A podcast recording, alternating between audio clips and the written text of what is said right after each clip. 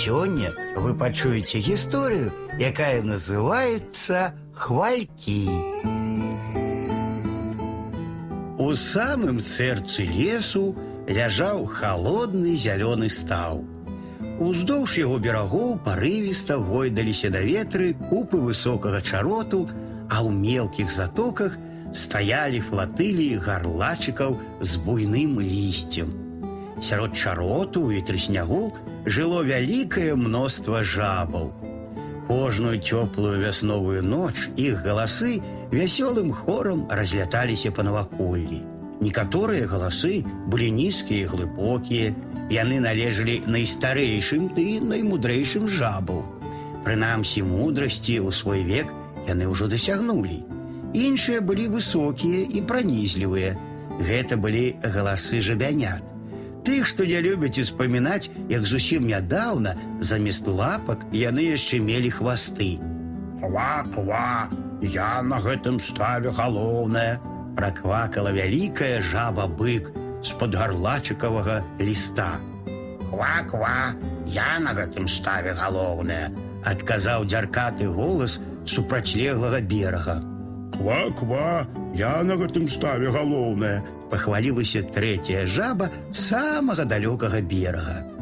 А паблізу, добра схаваўшыся ў буйной траве ля самай вады, стаяў цыбаты белы жораў. У той вечар ён быў дужа галодны, і калі пачуў нізкі голас першай жабы, то хутенька да яе падышоў і запусціў сваю доўгую страшную дзюбу пад шырокі ліст. Старая жаба перапалохана квакнула і з усей сілы ударыла лапамі, каб збегчы, а па ціхім ставе тым часам пылясь, пылясь, паскакалі ў глыбокую ваду перапужаныя жабы. Жораў яе ўжо амаль схапіў, калі штось халоднае і слізкае абхапіла яго нагу. Ён замарудзіўся на імгненне і жаба ўратавалася. Але без абеду жораў усё ж не застаўся, бо вакол яго нагі абкруцілася вялікая чорная вадзяная змяя, якая таксама аказалася някепскай стравай. Цяпер ён стаяў на адной назе, адпачываў і прыслухоўваўся. Першая жаба маўчала, але на супрацьлеглым беразе выхвалялася другая.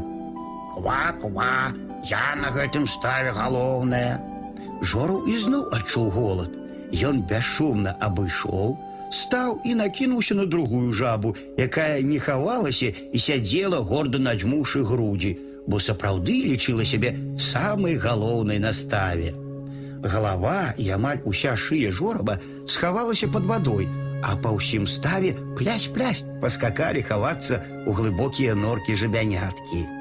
Не паспеў ён ухапіць жабу за заднюю лапу, як заўважыў нешта такое, што зараз жа адпусціў яе, узмахнуў шырокімі крыламі і нязграбна паляцеў да самага далёкага берага.